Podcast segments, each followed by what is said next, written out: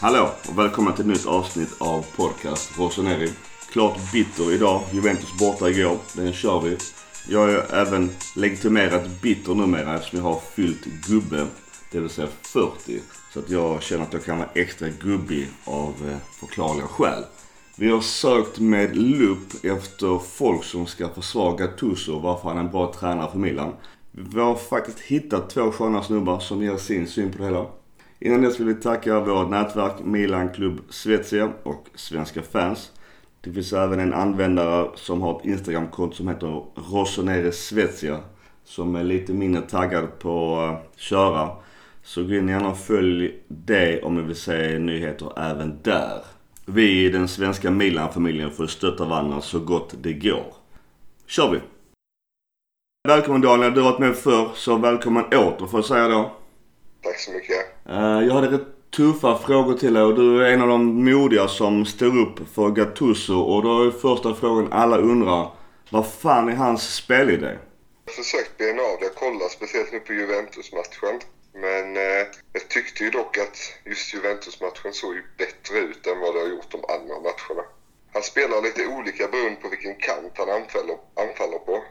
Om man använder högerkanten då, Susos sida, så, så har han ju... Suso försöker hålla, sin, alltså hålla sig rätt så mycket på bredden. Medan Calabria kommer upp på kanten och han har Kessie som ett annat alternativ som löper nästan en rak löpning rakt ner mot eh, kortsidan. Medan på vänsterkanten så fylls det ju inte på av Rodriguez på samma sätt. Han blir lite mer släpande som ett safeguard att kunna passa hem till honom för att kunna vända om. Du har även positionsbyten tycker jag i både Paqueta och, och Hakan när de eh, anfaller på den kanten. Så det kan lika gärna vara Paqueta som är på kanten medan Hakan stappar ner. Det tycker jag väl är den stora skillnaden beroende på vilken kant han anfaller på. Annars så centralt är det egentligen bara bollvinnandet utan, utan ingenting går genom centrala linjen. Du spelar ju mycket från fötterna redan från målvakt. Det är liksom bollinnehav som försöker hållas från backarna. Där eh, Bakayoko kommer hem väldigt mycket och hämtar bollen. Likaså när eh, Hakan spelar på, på mittfältet så hämtar han ju mycket boll han också. Men när någon av Paqueta eller Hakan får bollen så är det ju antingen en lite längre boll ut på kanten försöker ställa om lite fortare men sen har vi ju inga yttrar med fart. Så det går ju i vilket fall som helst ändå inte. Och då är frågan, spelar vi rätt taktik om vi inte har yttrar med fart? Nej, det är det som är frågan. Och just eh, Hakan då som många av förklarliga skäl har tyckt har presterat ganska dåligt. Varför tror du han alltid har en startplats i Gattusos Milan? Jag tror det är så enkelt så att det finns ingen annan. Vi har, eh, vi har Borini, vi har eh, Castillejo. Castillo är ju en högerytter, det märks ju rätt tydligt. Han presterar mycket bättre på högersidan än vad jag på vänstersidan. Om man har tittat på hur mycket spelarna springer efter varje match så ligger ju Hakan i topp varenda match tillsammans med Kessie bland annat. Vad jag förstår så gillar han väl spelare som, som löper mycket och där har du ju Hakan till det. Sen har han alltså, det jag har tänkt på lite, hade vi haft hockeyassist inom fotbollen så tror jag han hade haft rätt många. Han är med mycket i speluppbyggnaden. Men jag hade nog velat se Hakan längre ner i planen just som ytteranfallare i ett 4-3-3. Ja, tittar man nu på Juventus-matchen så tyckte jag han var mycket bättre som central mittfältare. Men sen så är det, har vi Paqueta också så blir det ju att han får sättas upp på yttern. Men visst, man kanske skulle ändra om spelsystem helt och hållet fast det är ju rätt onödigt nu när det var sju, åtta matcher kvar. Vad talar för att Gattuso är kvar nästa år?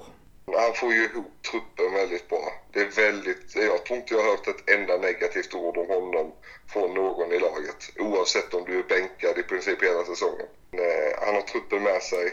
Tycker han har fått en del spelare att doma ut det där extra. Eh, Calabria, Cutrone, eh, Romanoli. Det är spelare som har tagit steg framåt och Cutrone kommer från ingenstans i princip. Så lagkemin. Men eh, det taktiska brister ju fullständigt märker man ju. Speciellt mot mindre motstånd. Mot de större så kan han vara lite underdog och det verkar passa honom mycket bättre. En sista tuff ja eller nej-fråga. Vill du ha kvar honom nästa år? Eh, nej, gärna som någon typ av eh, någonstans i ledarstaben men inte som huvudtränare. Det vill jag faktiskt inte.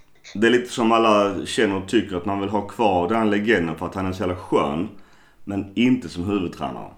Den här lagkemin är ju fantastisk. Man ser ju hur, hur spelarna verkar spela för varandra. Tycker jag i alla fall. Det är underskattat. Det är viktigt. Du Daniel, stort tack för kloka ord. Tack så mycket. Vi hoppas ju på fjärdeplatsen. Ja, men absolut. Helt avgörande. Ja, verkligen. Fortsätt lyssna så hörs vi helt enkelt. Absolut. Ha det bra. Ha det gött. Tack så mycket Daniel, så ses vi, hörs vi.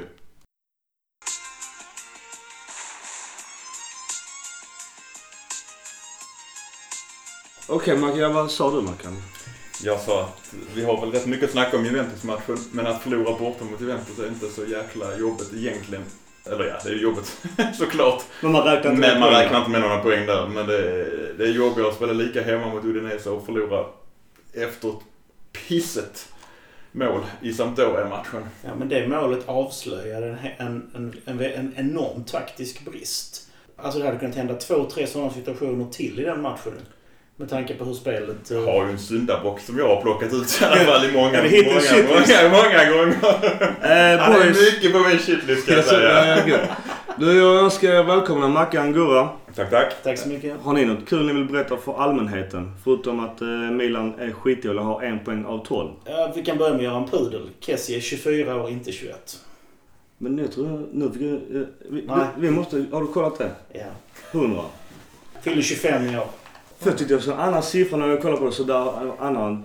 Ska dubbelkolla och googla det för Okej, jag ska klippa bort den då. Men Det får du nog göra med pudlar tre gånger i rad. 22 år. Då hade jag rätt. ja. Och hur kom du dragandes med att han var 24? ja men det stod nog jävla... Det jag har fått. Jag sett tre olika siffror på honom. Då hade jag rätt. Ja just det. Hur Var gammal det var sa Sju. Ja okej, men vi, vi pudlar inte den då. Då hade, vi vi, då hade. Gurra rätt. Nu, nu klipper du mycket på den. Alltså. Fuck det, vi kör matchen direkt. Sampdoria borta in på Luigi Ferraris inför 23 475. Det är ju ingen lätt match med tanke på hur Sampdoria har presterat i år och att du har en... Eh, gammal, gammal är bäst, eller Ja. gammal är äldst. Vad var det Quagliarella sa? Hade, hade inte alla varit så jävla dåliga så hade jag spelat i Juventus eller vad fan var det han sa? Något sånt var det Han gillar inte Juventus i alla fall och det, det gillar inte vi heller. Men i alla fall, de eh, spelar lite så som jag vill att Milan, Milan ska spela i ett 4-3-1-2. Vi körde 4-3-3. Gurra, spontant matchen. Vad har du skrivit i din pärm? Spontant blev jag förvånad att Kessie var petad för Biglia. För Biglia gjorde ju... Han var sämst. Ja, han har inte gjort någon glad i princip. Men eh, petad för Biglia och det skrämmande är liksom att när man ser Biglia kommer in så verkar Biglia ha fullt mandat att göra vad han vill på mittfältet. Så det började med att han skickade upp Bakayoko. Man såg verkligen han stod och pekade på Bakayoko. Och skickade upp honom i den offensiva pressen. Biglia vill ha ankarrollen Ja. defensivt centralt mittfält. Fast problemet är, alltså, och nu ska jag citera, citera Mackan här. Biglia verkar tro att spela defensiv mittfältare innebär att man, man låter motståndaren springa förbi och sen drar man dem i axeln. Alltså såg ni hur många gånger han gjorde det? Ja. Han fick ändå inget kort i den här matchen. Nej. Nu vill jag ha Biglia på tapeten. Det är jävligt dålig timing för honom. Men det skiter vi fett i. Hans kontrakt går ut 2020 och det är lite snack om att han ska förlänga och avsluta sin karriär i Milan. Eller att kanske Boca Juniors är lite sugna. Dålig timing för honom. Mackan, vill du se ett nytt kontrakt på Biglia? Ja, fast med en annan klubb. Ja, jag tolkar det som att han inte är kvar i Milan. Gurra, vill du är du lika vitsig? Nej, jag är inte alls lika vitsig. Jag är inte så rolig. Men Alltså, du, du kan Biglia- ha koll på vad han tjänar. Nästa gång, kolla upp Biglia. Antagligen jag har, jag har hans lönelista. Bläddra i pärmen. Ja. På den. Nu är jag fan nyfiken. Vad... Ja, det är mycket pengar. Biglia Ja. tjänar 481 000 pund i månaden. Ja, det slipper vi gärna. Jag har inte bonusar och sånt med mig, men 481 000 pund. Och Biglia har inte gjort... Alltså, ja. Han har gjort en bra grej sen han kom till Milan och det var frisparken. Den är snygg, men det räcker inte. Nej. Han löser inte den positionen. Han, han klarar liksom inte av ytan. Han klarar inte av uppgiften. Framförallt inte med de andra spelarna runt omkring sig. Som, alltså, nu, jag ska inte skylla på dem. Men om han hade haft ett annat spelarmaterial runt omkring sig så kanske det hade funkat. Men, Och sen en grundläggande. Man skriver inte ett nytt kontrakt med en 32-åring som har ett år kvar på kontraktet. Där tycker jag att Cassidius, han bölade om Fabregas och Zlatan. Han borde gått in och sagt du Biglia, you're fucking out. Som Kenny Powers sa. De är till och med 33 år. Ja.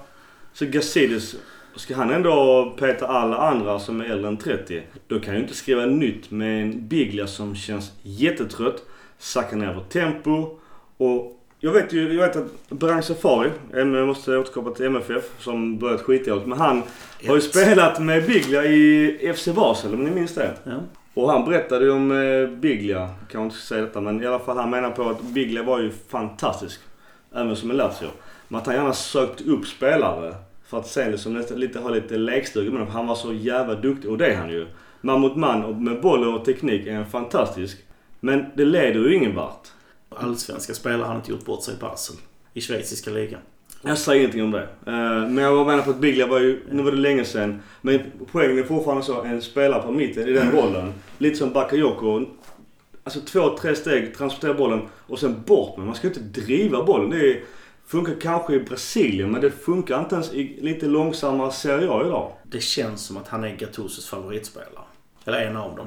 Menar så fort han blev skadefri så skulle han matchas in och han hade fullt mandat på planen och taktiken ändrades för att anpassas efter Biglia och det kändes bara konstigt. Att Biglia fick spela här berodde ju på bråket mellan honom och Kessie i, i derbyt. Alltså jag säger han, får, han kan jättegärna spela.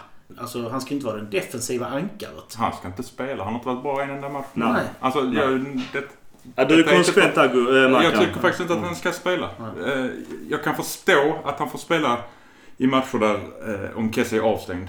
Vilket han delvis blev då av klubben i detta tror jag. Och jag tror inte det har så mycket med Gattuso och Biglia att göra. Utan det är ett beteende som inte tillåts av klubben. I alla fall inte framför TV-kameror. Nej, precis. Sen så blir eh, Paqueta blir ju skadad. Och då kan det ju också finnas en plats för honom. Men i dagsläget ska han inte spela om alla andra är friska eller inte avstängda. Nej, nej. Men det hade varit intressant att se honom om han tog en position lite ovanför Bakayoko som spelfördelare. Ta boll, spela vidare snabbt. Men han kan, men han, Alla hans passningar Kanske. går bakåt. Ja. Alltså om jag är lite... Jag överdriver nog lite kanske men om du ser på hans... Du säger 85% går på fel håll. Och, och då, då kommer vi till en annan intressant grej var målet kom in i bilden här. För jag menar, och som vi sen såg senare i matchen. Och jag vet inte om det är för att Biglia är med igen. Men nu helt plötsligt ser vi grejer som vi inte har sett på hela säsongen. Eller på väldigt länge på den här säsongen i alla fall. Inte sen Biglia skadades. Ja. Och det är de här dumma hemåtpassningar och framförallt att när personer i straffområdet får bollen så får de inte tjonga iväg den. Utan de ska försöka hitta en passning. Donnarumma lämnades ju helt vind för våg och man såg att jaha, då får jag försöka spela någon och då gick det som det gick. Han ska tjonga den, det är ju Där ska han ju tjonga den Ja, såklart. men vi såg ju sen samma situation hände senare och då- reagerar han likadant. Jag är övertygad om att det här är alltså coachdirektiv. Att ni ska aldrig tjonga iväg bollen. Vi ska, vi ska vara ett spelande lag. Vi ska spela ut oss ur Och det är ju något som har suttit i sen Montella-tiden. För det såg ju det såg ju sämre ut på Montella-tiden än det gör idag. Men, Men vi måste ju, vi kan ju inte försvara Donnarumma. Nej, nej, nej, nej. Ta det rätt nu. Han borde tjongat. Men ja, det känns som att det är, det är direktiv från coachen att han hela tiden ska försöka spela sig ur. För varenda spelare i straffområdet som får bollen hamnar under press försöker hitta en passning istället för att tjonga bollen. Och det ser man vad motståndarna vet ju detta. Det som du säger Mackan, detta är ju ända sedan Montella-tiden. Så det är ganska lätt att pressa högt mot Milan och då blir det panikartat. Sen så Donnarumma, alltså ja, han har varit nog den bästa spelaren överlag i Milan. Så att han ska ha cred. Han har gjort ett fett misstag. Det är inte som felträff. Quagliarella är schysst nog och inte fira och istället trösta honom. Men det är ett jävla dåligt misstag. Ja, ja, ja. Och sen så tänkte jag ju så här då. Ja, det var väl i sekund 37 eller något sånt där. Jag tänkte, ska man göra ett misstag är det nu. Ja, för då måste Milan det- agera. Men, men det hände ju ingenting. Ja, det blev byten. De bytte in Conti, Cotrone, Paqueta under matchens gång. Men och jag förstår att ingenting. Paqueta inte startade den matchen för han kom från Brasiliens eh, landslag. så- Han gjorde mål där. Där han gjorde mål också ja. Eh, Men... eh, Och nummer 10. Och nummer 10 så Det är är ändå- skadad. Ja. Får vi väl till. Men ändå. Ändå. Är ändå nummer 10. Brasiliens landslag. Ja, jag kan väl mycket väl tänka mig att han är Milans framtida nummer 10. En annan grej. Nu var faktiskt både Zapata och Caldara på bänken. Musacho är ju också en kille som antingen har någonting på Gattuso eller eh, är de jävligt bra polare på Ja, krogen. han har ju fått spela enkom för att de andra har varit skadade. Jo men eh, de är på bänken båda två. Hur länge Ja, ska men man ingen har... Ja, där är, ju- där är ju frågan hur... Men du Hur får man en, en, en spelare matchtränad? Jo, men han underpresterar ju hela hösten. Sen blev han skadad. Det var ju då det blev lite stabilt där bak. När Zapata kom in och det liksom där han Det krävdes var till och med bättre än Abate var mittback ja, ja, ja, ja. Alltså så illa är det. Och, men sen så fort Musacho, precis som Biglia blev skadefri, då skulle han rakt in i laget igen. Ja. Men det var ju så att Zapata skadade ju sig.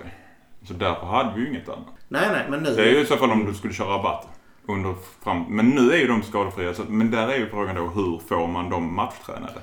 Ja, det är det jag sagt innan. Varför alla spelare som inte startar borde ju vara aktuella för att spela i primaveran.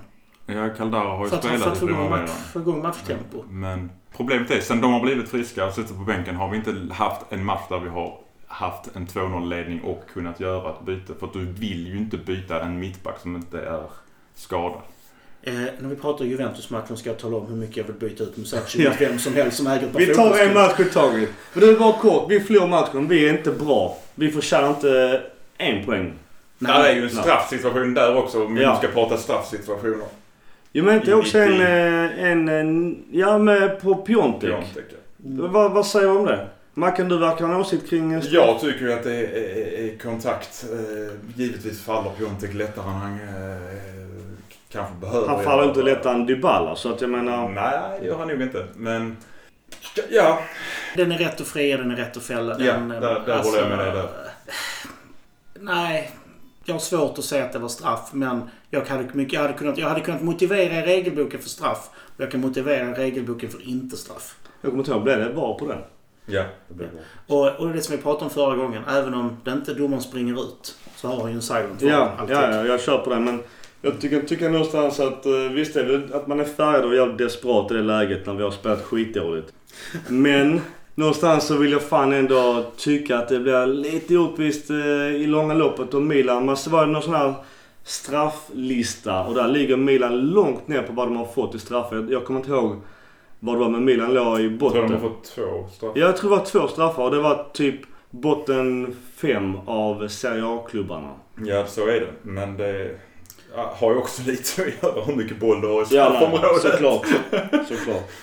Har vi något mer att säga om Sampdoria så vi glider vidare på nästa pissmatch? Vi kan väl säga att Suso underpresterade i, i vanlig god ordning där. Mm, Och vilket kort också. Och Calabria, om han är vilse på högerbacken i försvarsspelet så var han helt väck som vänsterback. Men jag tycker det är lite tjänstefel och det är ett jävla hån mot stackars Laxalt.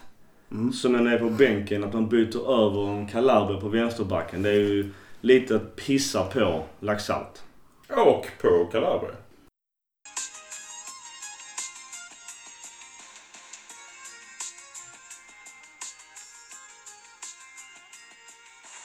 Okej boys, då har vi Udinese hemma. En gammal äcklig, jag ska inte säga äcklig, men Juventus-spelaren Igor Tudor. Minns ni honom? Ja. De har ju Udinese tagit tillbaks igen i sitt 3-5-2. Och återigen så dömer Luca Banti. Han har vi ju inte haft mycket tur med tidigare, men han kanske inte kan belöta den här matchen.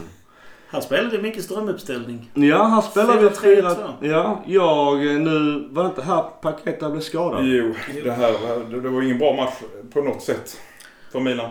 Donnarumma skadad. Donnarumma skadad tidigt. Vad fan hände där? Han är borta några veckor. kvar. Han vred till knät tror jag. Men var det i hans konstiga utrustning? Han på inbromsningen där, men Så det... att styrkan sitter i skägget och han var renrakad. Aha, så pass.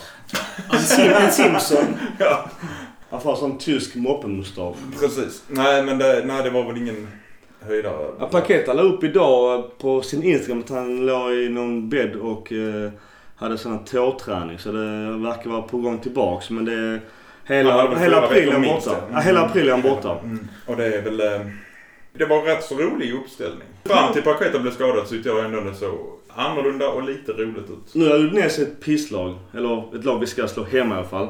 Men jag måste tycka och säga att Piontek och Cotrone, de verkar trivas ganska bra ihop. va? Ja, jag tyckte det. Jag tyckte, tyckte Cotrone var jättebra. Hans framspel till målet är ju genialisk. Ja. Alltså den nedtagningen är ju världsklass. Jag ligger fast vid att de söker samma ytor.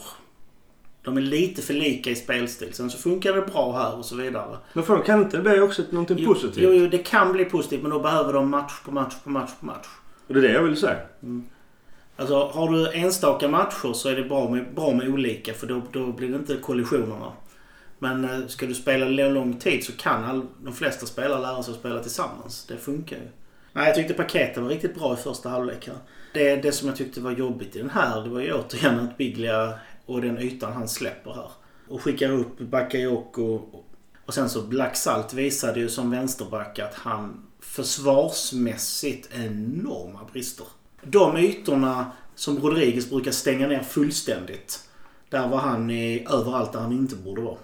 Jag tror att han hade gjort sig bättre som en mittfältare eller en... Eh, alltså det är som jag sa, jag, som vi pratade om i intervjun. Vi har ju inga snabba yttrar i vårt 4-3-3. Jo, Laxalt. Laxalt. Skulle kunna spela Jag menar på att prova honom. För jag ja. menar, varför inte testa en match? Om man nu ska tvunget spela 4-3-3.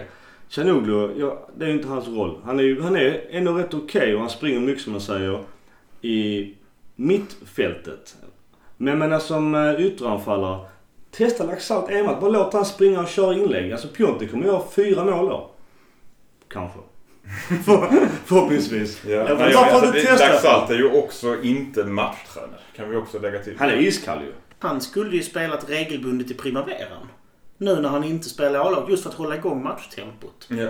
Jag förstår inte att det inte används mer. För du får ju lov att ha...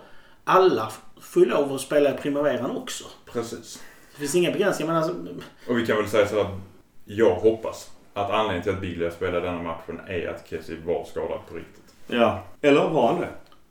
Jag tror det med tanke på att han säger det, startar mot Juventus sen. ska jag vara helt ärlig så hade jag nog hellre sett en Soso eller nästan en Montolivio som, inte, som, som vet sina begränsningar. Nu är han inte välkommen men det, alltså, En Biglia. ja Eller- precis. ja. Eller en Borini. Det är inte så att det är brist på spelare.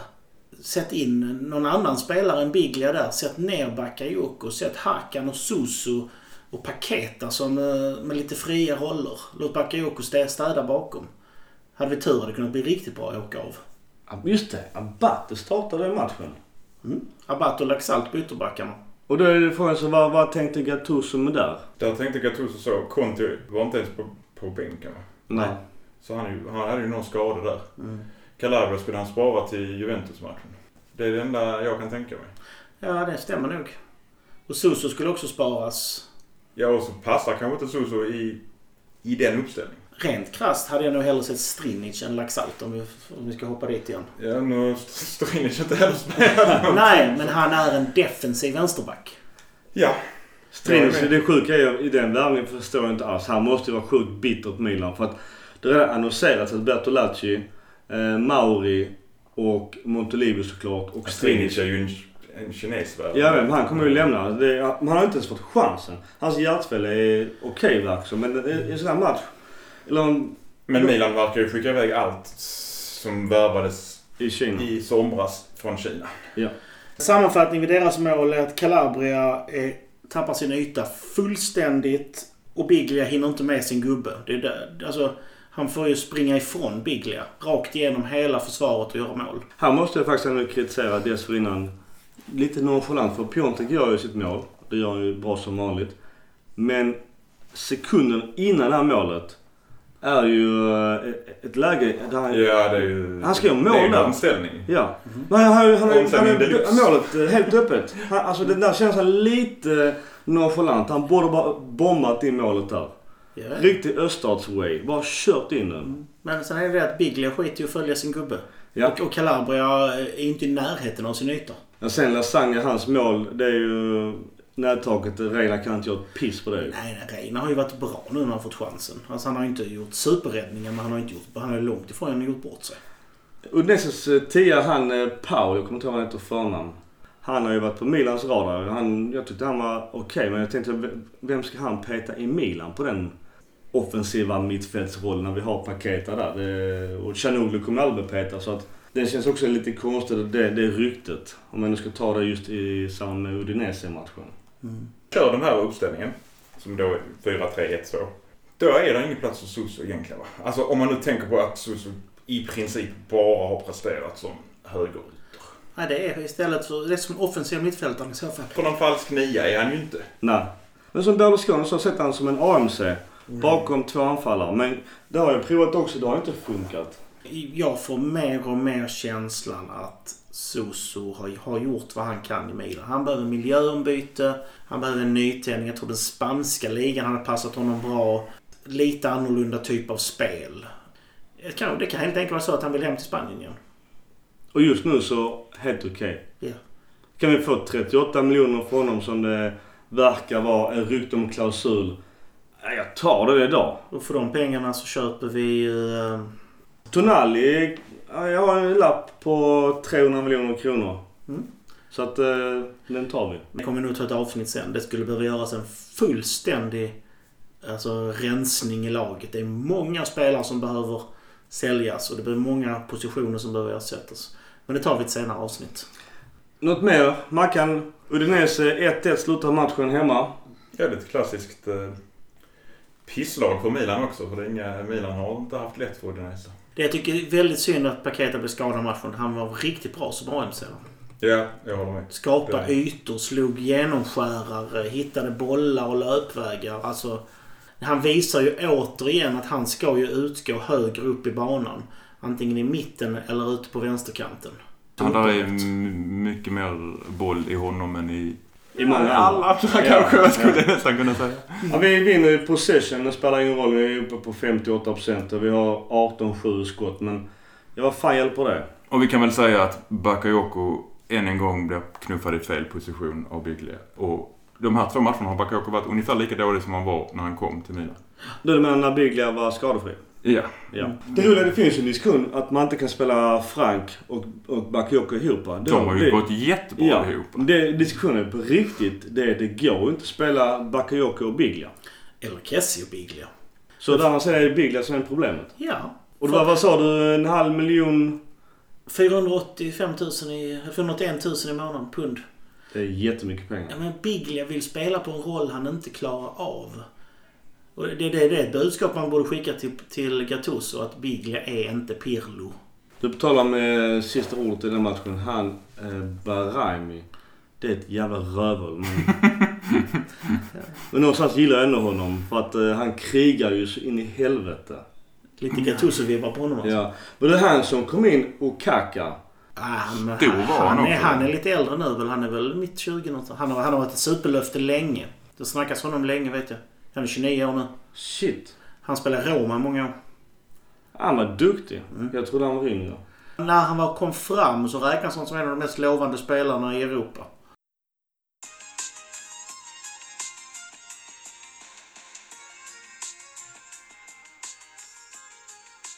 Hit and shit. Jag glider in på min hit. Eller en av dem i alla fall. Och det är ju vår kära vän Donnarumma. Det var ju jävla soppa med hans kontrakt och Raiola och hela, hela balletten. Nu har det kommit fram och jag förstår inte varför han väntade i ett år innan han förmedlade detta. Men, men det var ju ett helvetes med förhandlingarna. Men tydligen så skrev han själv på kontraktet när Raiola och han skulle gå ut ur rummet. Så då vände han rummet och skrev på, äh, skrev på kontraktet. Det tycker jag är jävligt coolt. Det ändå visar. Och Raiola fick inte en krona. Nej, Raiola fick inte en spänn och Donnarumma skrev nytt kontrakt. Han fick ju skitmycket pengar så det är ju inga kaffepengar. Men det visar ändå att han har ändå hjärtat för klubben. Och det som stör mig och det är så synd och all här störningen i uppladdningen och all mobbing och piss han fick ta emot i sociala medier. Hade han bara sagt detta tidigare hade alla hyllat honom. Jag tror inte han fick så. Han har säkert kont- något kontrakt med Raiola som man inte får avslöja vissa saker inom en viss tid och sådana saker. Men då kan man säga du Raiola, fuck you alltså. Du är Men det är, fucking kon- det är out. konstigt att Mirabelli avslöjade nu. Ja. Jo men det kan vara... Det känns ju som att Mirabelli har lagt ut lite där och för att visa hur duktig han är i... Söker han jobb kanske? ja. Alltså inte för att vara dum för att oh, jag hade Ronaldo var klar. Ja, mer eller mindre. Mm. Ja, alltså det är mycket sånt som kommer nu. Ja, det är det. Du kan ha en spin-off på Ronaldo, du som hade han en, nu med Friends Arena och sånt. Nej, det är ju helt sjukt. Är det din shit? Ja, nej, men det, det går över det vanliga shiten. Hur Juventus som klubb. Nu kommer det fram mer och mer och mer. När, när till och med Aftonbladet, en ledarskribent där, går ut och skriver om det här förhörsprotokollet och har tagit del av dem. Då måste det vara något som stämmer. För att Aftonbladet hade blivit stämda härifrån till evigheten annars. De åker ju fan inte till USA, Juventus. Nej, och hur Juventus som klubb kan skydda honom, det förstår jag inte. Hade jag varit klubbägare i Juventus hade jag sagt bra, du sitter på nästa plan. För du får reda ut det här, vi kan inte bli förknippade med våldtäkt. Men istället skyddar de honom. Gömmer honom, åker inte till USA. Alltså, spela i damlaget där måste ju vara jätteintressant. Ja, det är jävligt smutsigt. Ah, det är så fult. Och så läser man folk och så... Alltså hade jag varit en Milan-spelare, jag hade aldrig skyddat honom. Jag hade suttit här varenda avsnitt och spytt galla. Det handlar om varumärke, det handlar om klubben, det handlar om att stå för någonting. Nog om smuts, vi vänder blad.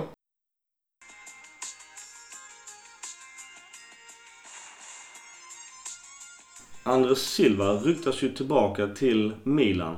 Han, jag vet inte, han är inte skadad enligt rapport vad jag vet. Han är Han är-. Han är inte på bänken i Sevilla. Vad fan, är- alltså han var ju en spelare som ryktades till Real Madrid och Juventus och hela balletten. Han är ju iskall nu. Jag kan mycket väl se honom i klubben som en, en av två nya anfallare till nästa år.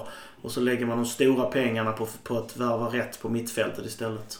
Centrala mittfältare och så vidare. Jag tror Milan gärna vill ha pengarna för honom för att kunna göra det stora mittfältsköpen. Ja men just kanske en utköpsklausul på... 38 Ja, de skulle tjäna några miljoner euro Ja. på, på att sälja honom om det hade gått in. Ja, nog om äh, Andres Silva. Vi får se vad som händer med honom.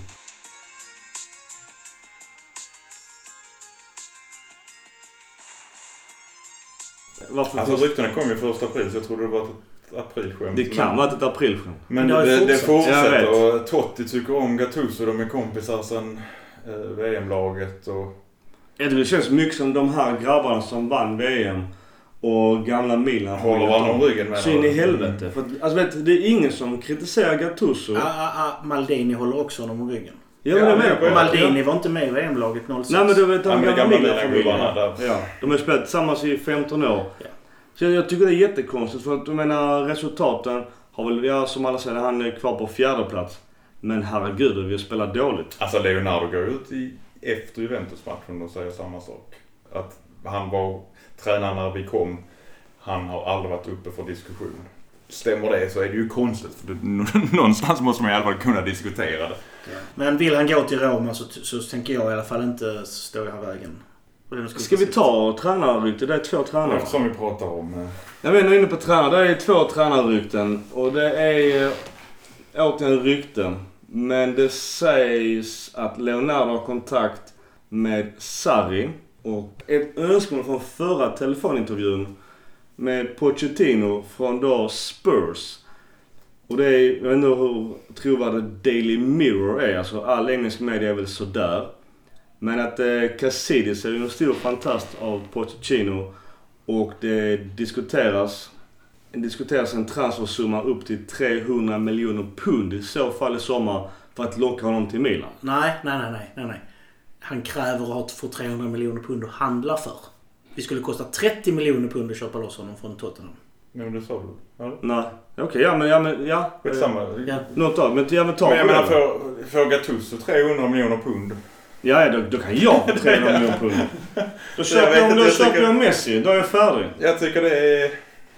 Alltså det här är ju bara rykten såklart. Jag hade inte valt någon av dem. Hade jag fått välja fritt hade jag fortfarande tagit Conte. Montella. Nej, Conte. För Conte har... Han är en vinnare. Och han har, behöver inte akklimatisera sig till den italienska fotbollen som Pochettino måste göra. Sarri har ju givetvis erfarenhet men han har ju inte vunnit direkt. Han, har, ja, han vann väl någon cuptitel men har, eller knappt det. Conte för mig eh, eh, ligger bättre till. Han är dessutom, behöver inte lösa honom för någonting för efter säsongen tror jag hans kontrakt med Chelsea är klart och sånt Stämmer. ändå. Pochettino har mycket kvar att bevisa. Han har gjort det bra i Tottenham, men det han har gjort där med, det är med att coacha fram unga spelare. Det är precis så som Gazidis vill ha det. Han har klarat, jag menar förra, alltså i somras så köpte Tottenham noll nya spelare. Och sålde väl noll. Jag sålde en tror jag och tog en på free Så där måste man ju också faktiskt... Ja. Nu jämför jag inte med Milan men jag jämför med många andra lag. Eh, Han har ju ändå haft en trupp till sitt förfogande under en längre tid. Ja, problemet med den truppen är att den var för tunn. Det är ju det, det, är det Tottenham lider nu om när de får lite småskador och slitna spelare. Ja, absolut. För det är därför de, de knackar i ligan just nu. Sarri, ja jag kan, jag kan se Sarri göra väldigt bra i Milan. Han är slipad, han är en taktiker. Han vet vad han vill ha, han har en tydlig spelidé. Conte är ju första valet. Nu när Zidane är borta från marknaden för mig. Men annars så absolut Sarri. Jag tror mer på Sarri än Pochettino. Men jag tror det är mer troligt med Pochettino i och med att vi har Gazidis. Jag kan inte se att Milan ens skulle kunna mäta Pochettinos, för det första lön och sen köpa ut honom för en jävla massa pengar. Ta honom från London och Premier League-toppen, Champions League, alltid i stort sett slutspel numera. Till ett Milan som känns som sådär. Jag, min, min dröm hade varit att eh, Sarri går tillbaka till Napoli och gör någon sån jävla trippelbyte. Ja men vi tar tillbaka honom, det fungerar skitbra, han gillar Napoli. Ancelotti säger jag gillar Milan. Let's do it. Oh, den gillar jag. Eller hur? Det gillar jag. Men det finns nämligen ett rykte i London också. Det är obekräftat, men det finns en sak som säger att Pochettino känner att han är klar med Tottenham. Han känner att det är dags att gå vidare. Han har inte fått den investeringen. Han ville ju investera i somras, men han fick ju inte det stödet. Eh, Därför så att han kan vara beredd att säga upp sitt kontrakt och då behöver vi inte lösa honom för någonting. Då är det en helt annan femma. Ja. Men om det krävs 300 miljoner pund. Vi får tänka, vem äger Milan idag? De lägger ut 300 miljoner pund på spelare. Vad säger Uefa för det första? Ja, där har du, för det första får du börja tänka på Financial Fair Play. Men hur mycket ska Milan säljas för sen då för att de ska tjäna pengar? För de, ska, de vill ju tjäna pengar på sin investering. Den här nya fair playen, även om det skulle bli så, så att vi nollas nu. Det var väl nu efter i sommaren, var det inte det? Då börjar ju ett nytt, ny femårsfinansperiod på fem år. Och då reglerar man de pengarna över en lång period. Så att det, det är inte 300 ut och sen så sitter man i skiten utan Jag tror detta beror också mycket på om Milan blir fyra eller inte. Innan det så är det ju inte så mycket att diskutera ändå tror jag. Utan allt sånt här kommer att bero på blir Milan fyra, femma eller sexa.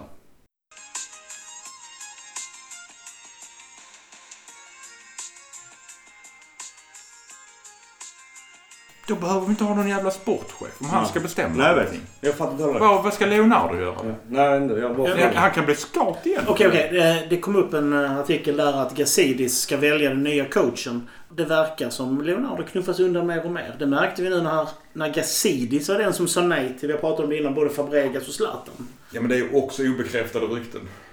Den var väl relativt bekräftad va? Jag vet inte men jag håller med. Ja. Det som sägs är konstigt för att eh, Leonardo har tagits in i Milan som en Milan-legend och är ju ett geni på marknaden. Maldini sa ju nej både till kineserna för det var ett ihåligt projekt. Men att han då mot fasonen Mirabelli ville ha en solklar roll att han också var en beslutsfattare. Och det som vi nu har diskuterat här och i interna chatt också att spelare, tränare etc. Men om Gazidis då som VD från Arsenal kan ju ha slutordet i allting. Vad va, vad ska vi då med Maldini och Leonardo? Ska de bara stå och ta emot spelare och, och se snygga ut?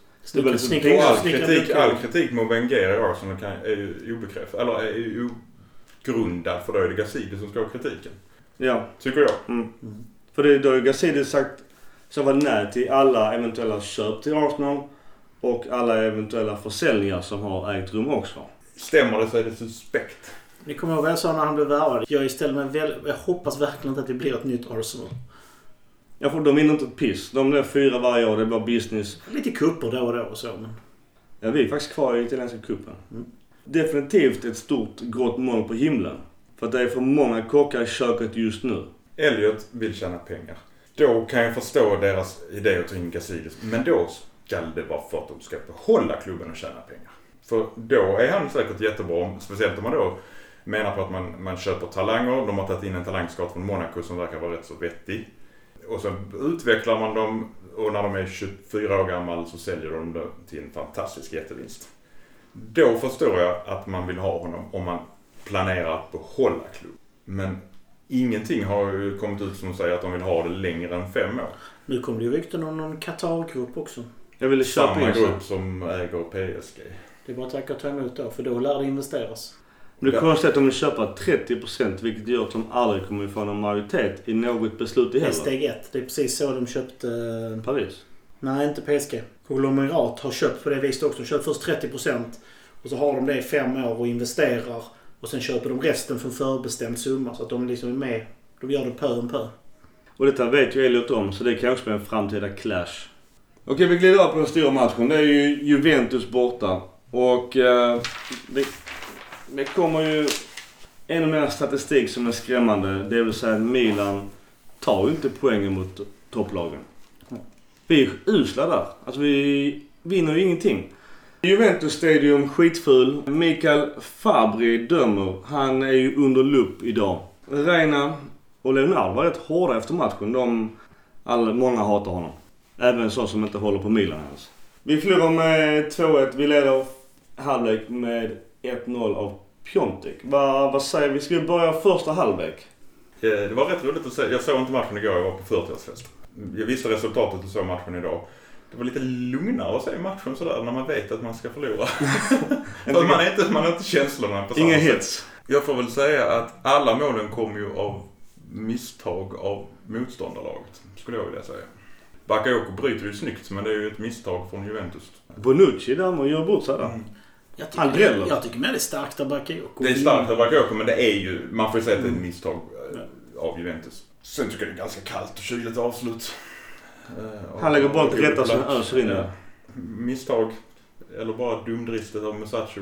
Att det blir straff blir jag ingen förvånad över för det är Juventus de möter. Dessutom tycker jag faktiskt att det är straff.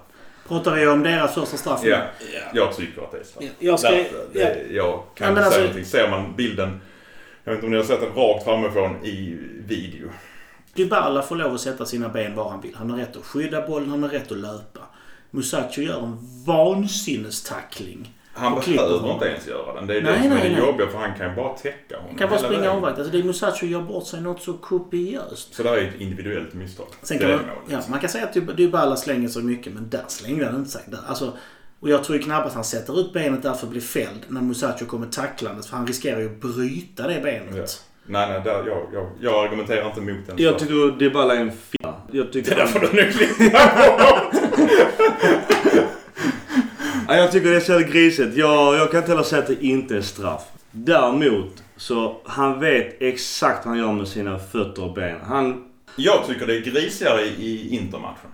Ja, ja, ja, ja, ja. Det tycker jag är fulare. Ja, det är så, men det, det är ju för vara samma princip. Han söker Ja, motståndarens... absolut. Men det I är, straffområdet. Men söker han den eller skyddar han bollen? Eller sätter han foten där för att sen kunna vrida upp och slå till? Dybala söker alltid straff. Alltid. Han är en jag ska bara sluta min diskussion och deras 2-1 mål är, ju ett solklart passmisstag av Calabria. Katastrof. Det är jättedåligt. Så att Ja. alla målen är ju misstagsmål.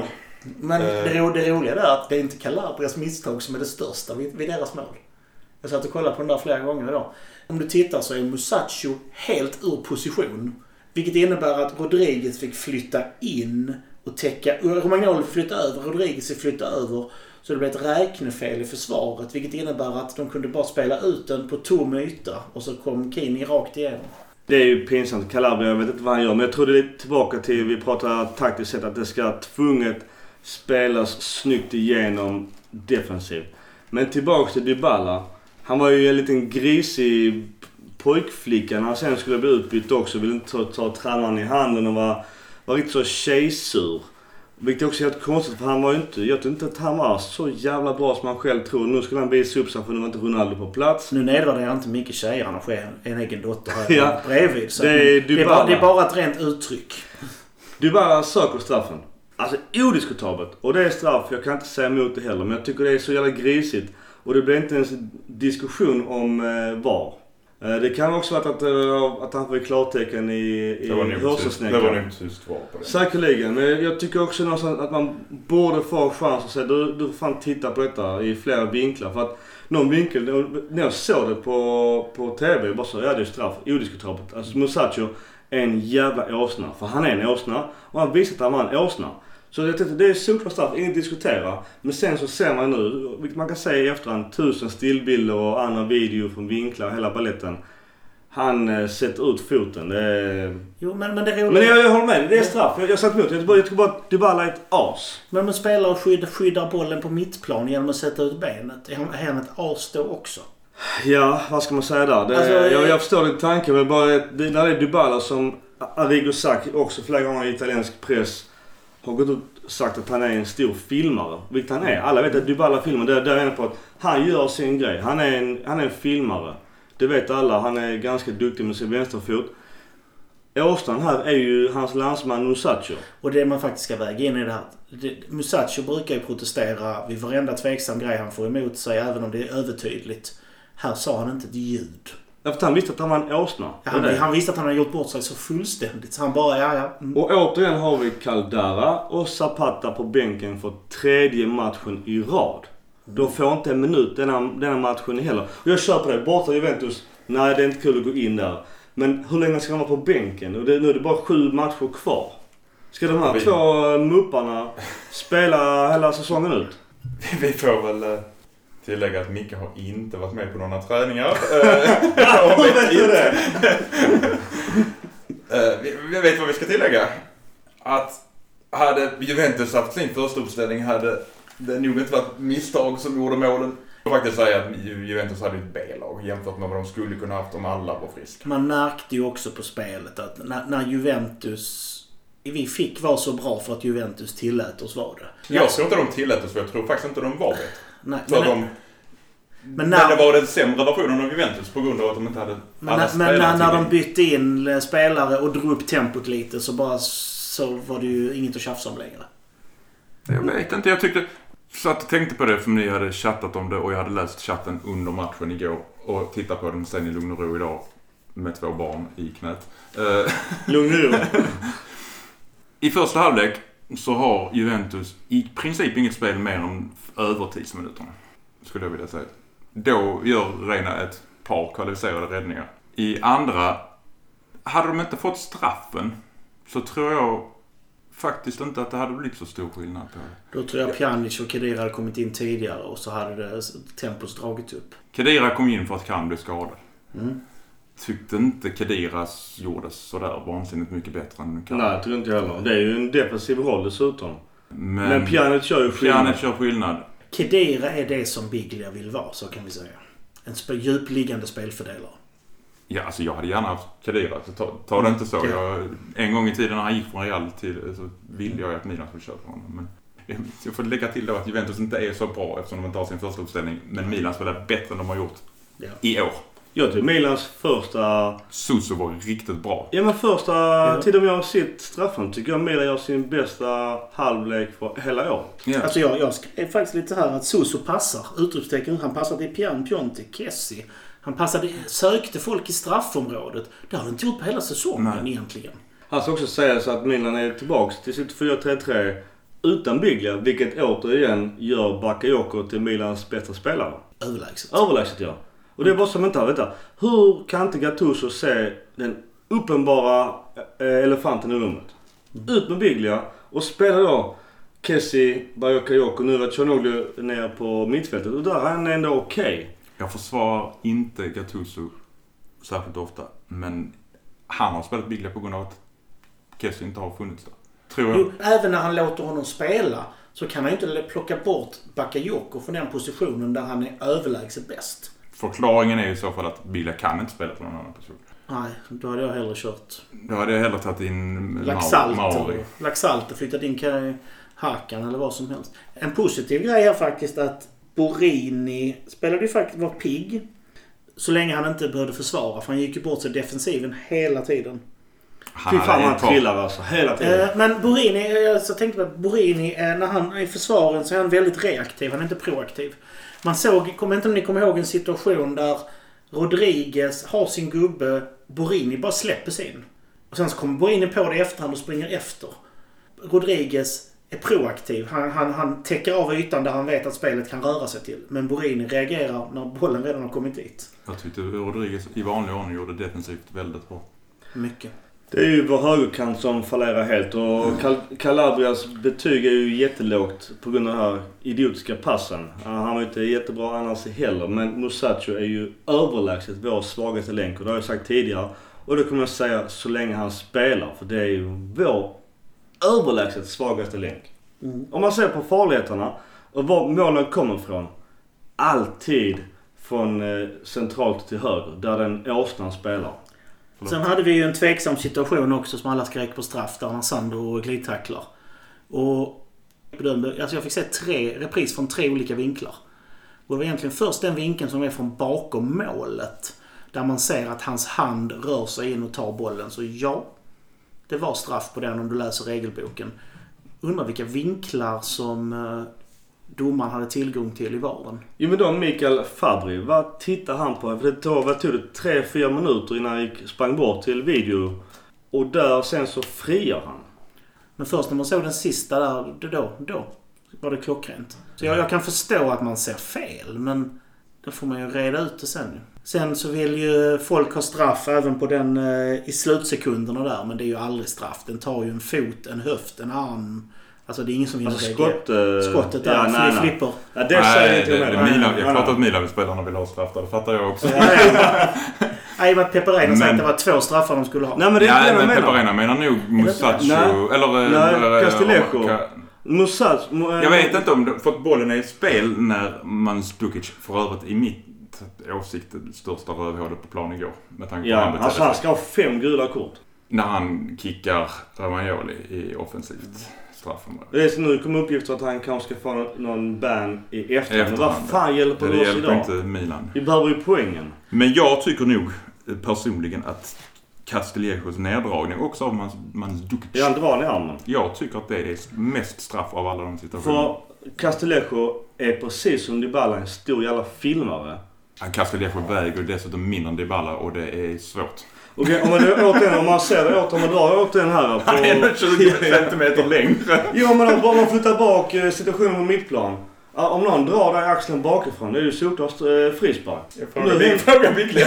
ja, jag frågar Biglia precis.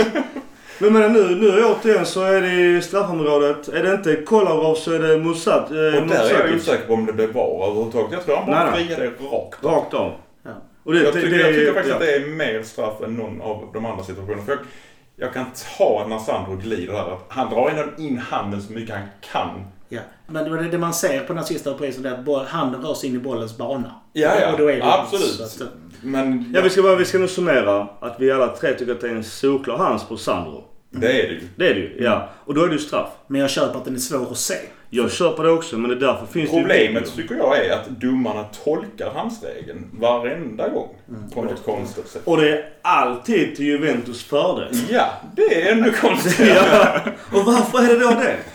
Det är dessutom ett antal andra situationer där jag tycker domaren är dålig. Jag vet att Gustaf inte kommer att hålla med mig, men där är vissa grejer. Eh, han är ju gammal domare så det... Bonucci gör en stämpling bakifrån och det blir frispark. Det är ju ett jättegult kort för mig. Absolut, håller med dig. Minut Och 12. återigen tror jag det eh. Mandzukic eh, karatespark. Ja.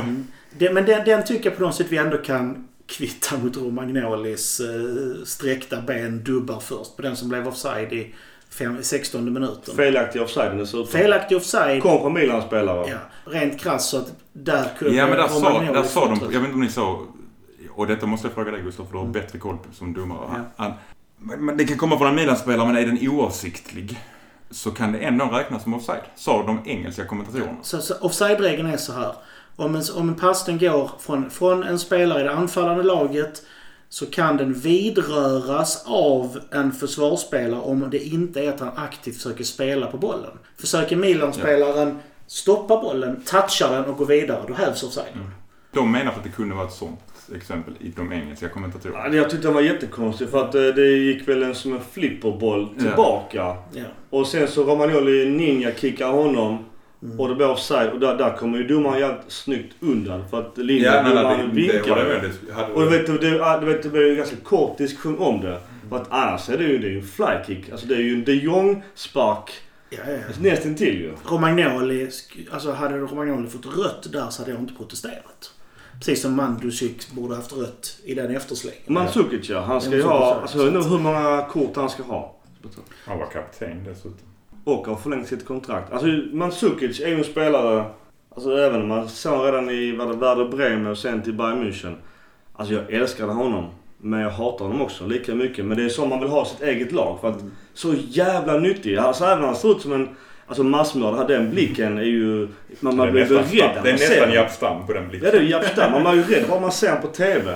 Men fy fan vilken spelare jag skulle ha i mitt eget lag. Ja, ja. Tänk Piontek och han som anfallare. Herregud. Där han har gjort 30 baljor. Mm. Äh, Piontek då alltså. Eh, Men vi har ju tagit straffarna. Är vi, är vi överens? Minns du Castellejos den dragningen? Frågan är, du får ju lov att röra andra spelare men du får inte dra i dem. Och bedöms det att han bara touchar honom och sen att han lägger sig ner så kan det vara friande. Ja han filmar ju det Ja. men han har Så, fortfarande... så jag säger som det andra, du kan hitta stöd både för straff och inte straff. Castellejo filmar. Han kontakt men... Jag kan hitta stöd för bägge. Och Hackans gula. Det tycker jag är bisarrt. Ja men det, Leonardo och Malinen var ju rätt så förbannade efter matchen och då skulle det skulle vara till någon domarmöte med, med, med domaren. Vad fan återigen, vad hjälper det oss? Castillejo, man kan likväl bedöma, alltså många spelare, när de känner att någon är på den armen, så låter de armen gå mot motståndaren för att det ska se ut som de blir dragna och sen slänger de sig. Om man inte är Castillejo där så vet man inte vad som egentligen hände. Och frågan är om han ens har erkänt vad som egentligen hände. Ja, tvek.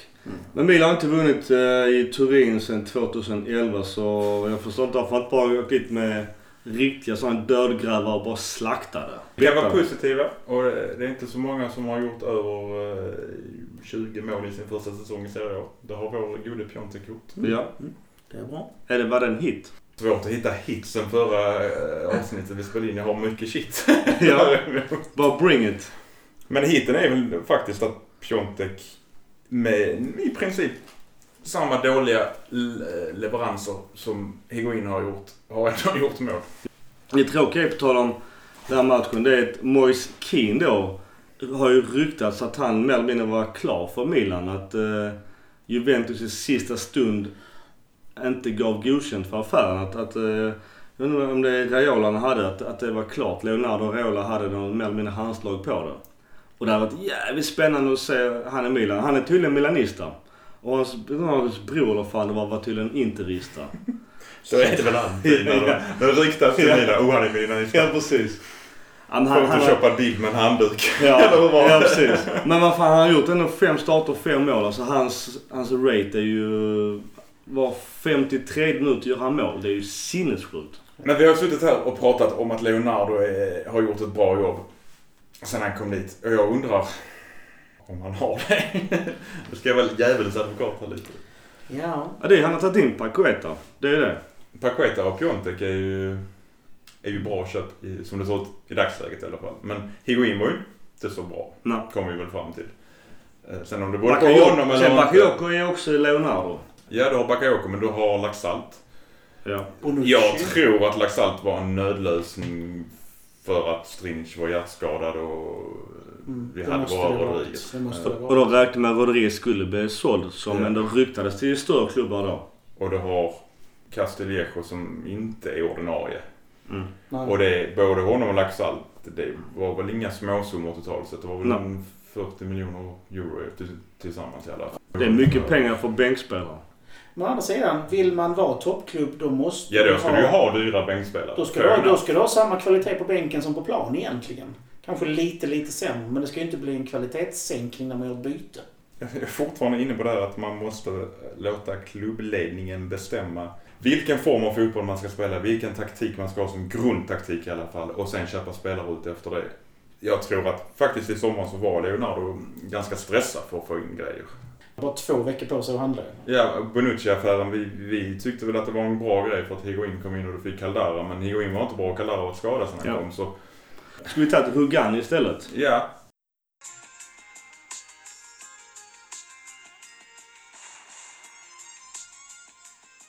Och de här matcherna sen förra avsnittet. Det är ju inte Juventus borta vi ska ta poäng. nej absolut inte. Det är ju i alla fall minst en poäng bort mot Sampdoria. Tre poäng mot Udinese. Ja, ja, så det, Inter, alltså ja, det, det blir jobbigt. Och nu har vi, vi har sju matcher kvar. Och vi har, det är som, som jag sagt tidigare, vi har haft jävla flyt. att lagen bakom oss, Lazio och Roma, har varit skitdåliga. Så att vi har kvar Lazio hemma, Parma borta, Torino borta, Bologna hemma, Fiorentina borta, Frisione hemma och... Det är i alla fall spelschemat som är kvar. Om man nu ser på vår usla statistik mot topplagen så är det ju inga topplag på topp tre i alla fall. Utan det är ju ändå... Vi har lag under oss i Ja. tabellen och spelar mot. Ja men det, det högsta laget rankat är ju Lazio. Alla andra lag är ju sämre rankade. Så att eh, blir det som sju VM-finaler här nu så kan det ju ändå bli Champions League vilket vi såklart hoppas på. Fiorentina borta tror jag, jag tror inte vi tar heller. Som förlorar idag hemma mot Frosinone. Ja. Det är ju Det skräll. är Deras, en skräll. Det är deras första bortaseger. ja, de har faktiskt två matcher i rad. Jag ska faktiskt ner och se Milan Frisione med flickvän. Så det ska bli gött majväder och tre poäng hoppas jag. Ja, nice. Vi är Juventus, vi går tillbaks till den. Vad har vi med att säga om den matchen? Förutom att Mikael Fabri har ju en svettig dag idag också. Alltså hans domslut var inte det som avgjorde matchen. Eh, Eller? Jag vet inte, det som jag har helt och hållet. Nej. Bommar en, kanske två straffar. Det är väl jätteavgörande. Ja, men eh, jag känner inte att det var inte det vi förlorade Det det är alltid lätt att prata domslut, men alltså han gjorde ingen... Alltså, det, han förfördelade inte något av lagen. Det ska vi inte säga. Sen att det uppstår situationer som kanske en domare missar, har en annan bedömning. Det är alltid lätt att komma i efterhand med fem kameravinklar och hundra repriser och gott om tid på sig. Det, det, det går snabbt, det är tufft, det är tätt. Det är bara att inse. Därav var, kan jag tycka. Ja. Jag tycker han var skitdålig. Jag tycker han är direkt avgörande. Jag säger inte att Milan förtjänar att vinna. Jag säger inte att Juventus förtjänar att vinna heller. Men jag tycker att det är ju ändå minst en straff som är helt avgörande. Och jag tycker att Dybalas straff...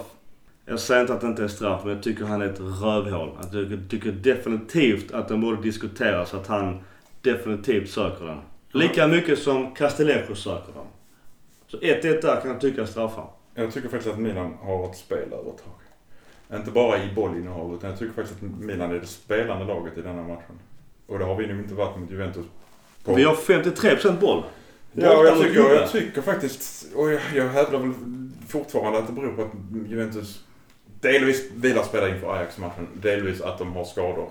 Men om man då ser i, som Milan-supporter så tycker jag det ser så väldigt bra ut. Hade vi spelat så här mot Sampdoria och Udinese så hade vi vunnit de matcherna lätt. Absolut. Nej, vi har ju ändå 16 skott och de har 12. Alltså, Eh, stat- jag kan statistiken Om jag ska klaga på Milan så är det, tycker jag fortfarande att de som ska vara frisparksspecialister, de måste ju träffa mål i alla fall. Du menar Hakan att han bommar mål? Ja, det är ju egentligen de är rätt så schysst genomförda men han bommar mål på i princip alla sina eh, frisparkar. Ja, då gör du inte, träffar inte mål gör du inte mål. Och Milan har i princip sen Allegris tid, vilket egentligen då vi kan säga kanske är den, egentligen den sista tränaren vi hade, där andra har varit gamla spelare, har haft problem med fasta situationer. Hörnor är jättedåliga, hörnor har vi. Jag kommer ihåg en frisparksvariant med Bonucci, kommer du ihåg den som blev bortdömd? Mm. Det, det är väl typ det som har varit bra. På tal om fasta, och det ska jag nog säga också lite halvt färgat, men att de får ett mål bortdömt. Den är jävligt tveksam att Milan får frispark på det. Jag vet inte om det är Romagnoli som... När man gör Men vad lägger sig? nederlagen lägger sig. Ja, alltså det är också en jävligt tveksam situation och det blir väl inte var på den heller. Och där gör ju de ett nickmål och Reina hänger tvätt. Ja, absolut. Kvittar den mot en av straffarna? Eller mot straffen? Ja men det är det jag menar på. Där är, domaren är ju avgörande dålig. På båda håll. Ja men det är det jag menar. Det är inte domaren som avgör det. Sen om han har en bra dag eller inte. Men han förfördelar inget av lagen. Både Borini och Kessie ska kanske låta bli att ta avslut. Varför Piontek är nere och markerar deras bästa huvudspelare på defensiva hörnor. Ja, Piontek är inte världens längsta spelare. Varför ligger inte han högt upp och fiskar istället? Precis. Piotr är 1,83. Nej, nu ser han huvudet mindre ut än Mandzukic. Ja, och Hur lång är Mandzukic? Mandzukic är Åtta. 1,90. Ja, det är bara 5 cm. Men han hade platådojorna på sig igår. Ja men sen de här, de här 8 kilona muskler gör ju så jävla stor skillnad. Ja, fast jag tycker ändå att Piontek ser stark ut i kroppen. Han fick ju inte mycket med sig, alltså i domslut heller. Han har inte fått det sen han kom till Milan. Nej. Jag tycker faktiskt att han borde ha haft ett antal, i alla fall frisparkar men straffar också. Och ändå göra mål.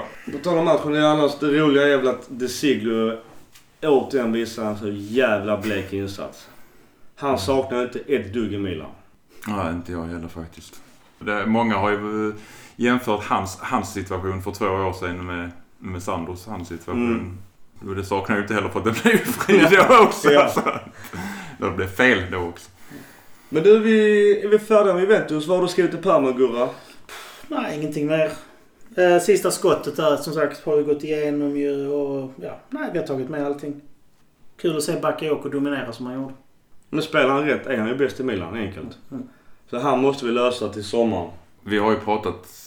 Det har ju ryktats om att Kessie är på väg bort också. Det får vi väl kanske lägga till här nu med, i och med att han har varit petad inom citationstecken.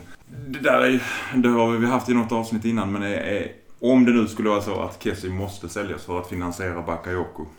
Vad gör man då? Vad gör man då? ja? Vem väljer man då? Mm. Det ska inte vara ett val. De här, om Elliot inte har tror, 35 miljoner pund att lägga upp för Bakayoko. Kessies transfersumma är redan betald. Det är väl kanske Björkås Men är väl inte det? Jo, den är betald. Är den betald? Den är betald. Okej, för att vid förra avsnittet var du osäker. Eller för två avsnitt var du osäker och sen sa du att den inte var det. Ja, men Kessis är betald men Bakayokos är inte betald. För Kessie, han är 22 som vi Ja. slipper pudla det. Och han är ju, ja 1,83.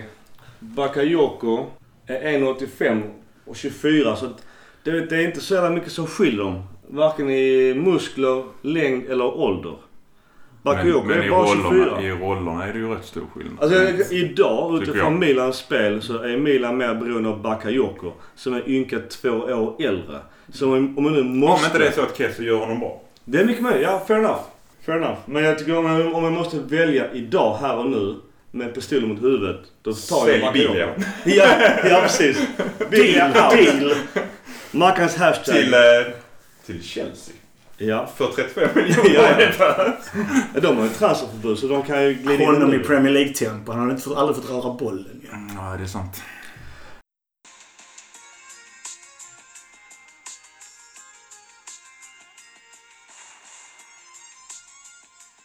Min shit är Biglia, min hit är att Piontek gör mål. Betydligt mycket mer mål än vad Higuain gjorde. Den är Bakayoko och hans utveckling. Och shitten är att uh, Gattuso och Biglia, att de går in och sabbar ett fungerande system hela tiden. Min shit är att vi har bara tagit en av 12 senaste poäng när vi har kniven mot strupen. Hitten är att våra andra konkurrenter går ungefär lika dåligt. Så det är, just nu har vi så jävla flyt med resultaten. I alla fall de närmast sörjande som är då Roma och Lazio. Men nu börjar ju Atalanta krypa. Det är det ju. Fiorentina och Sampdoria är nu ute ur leken. Men, men du, vi vänder blad.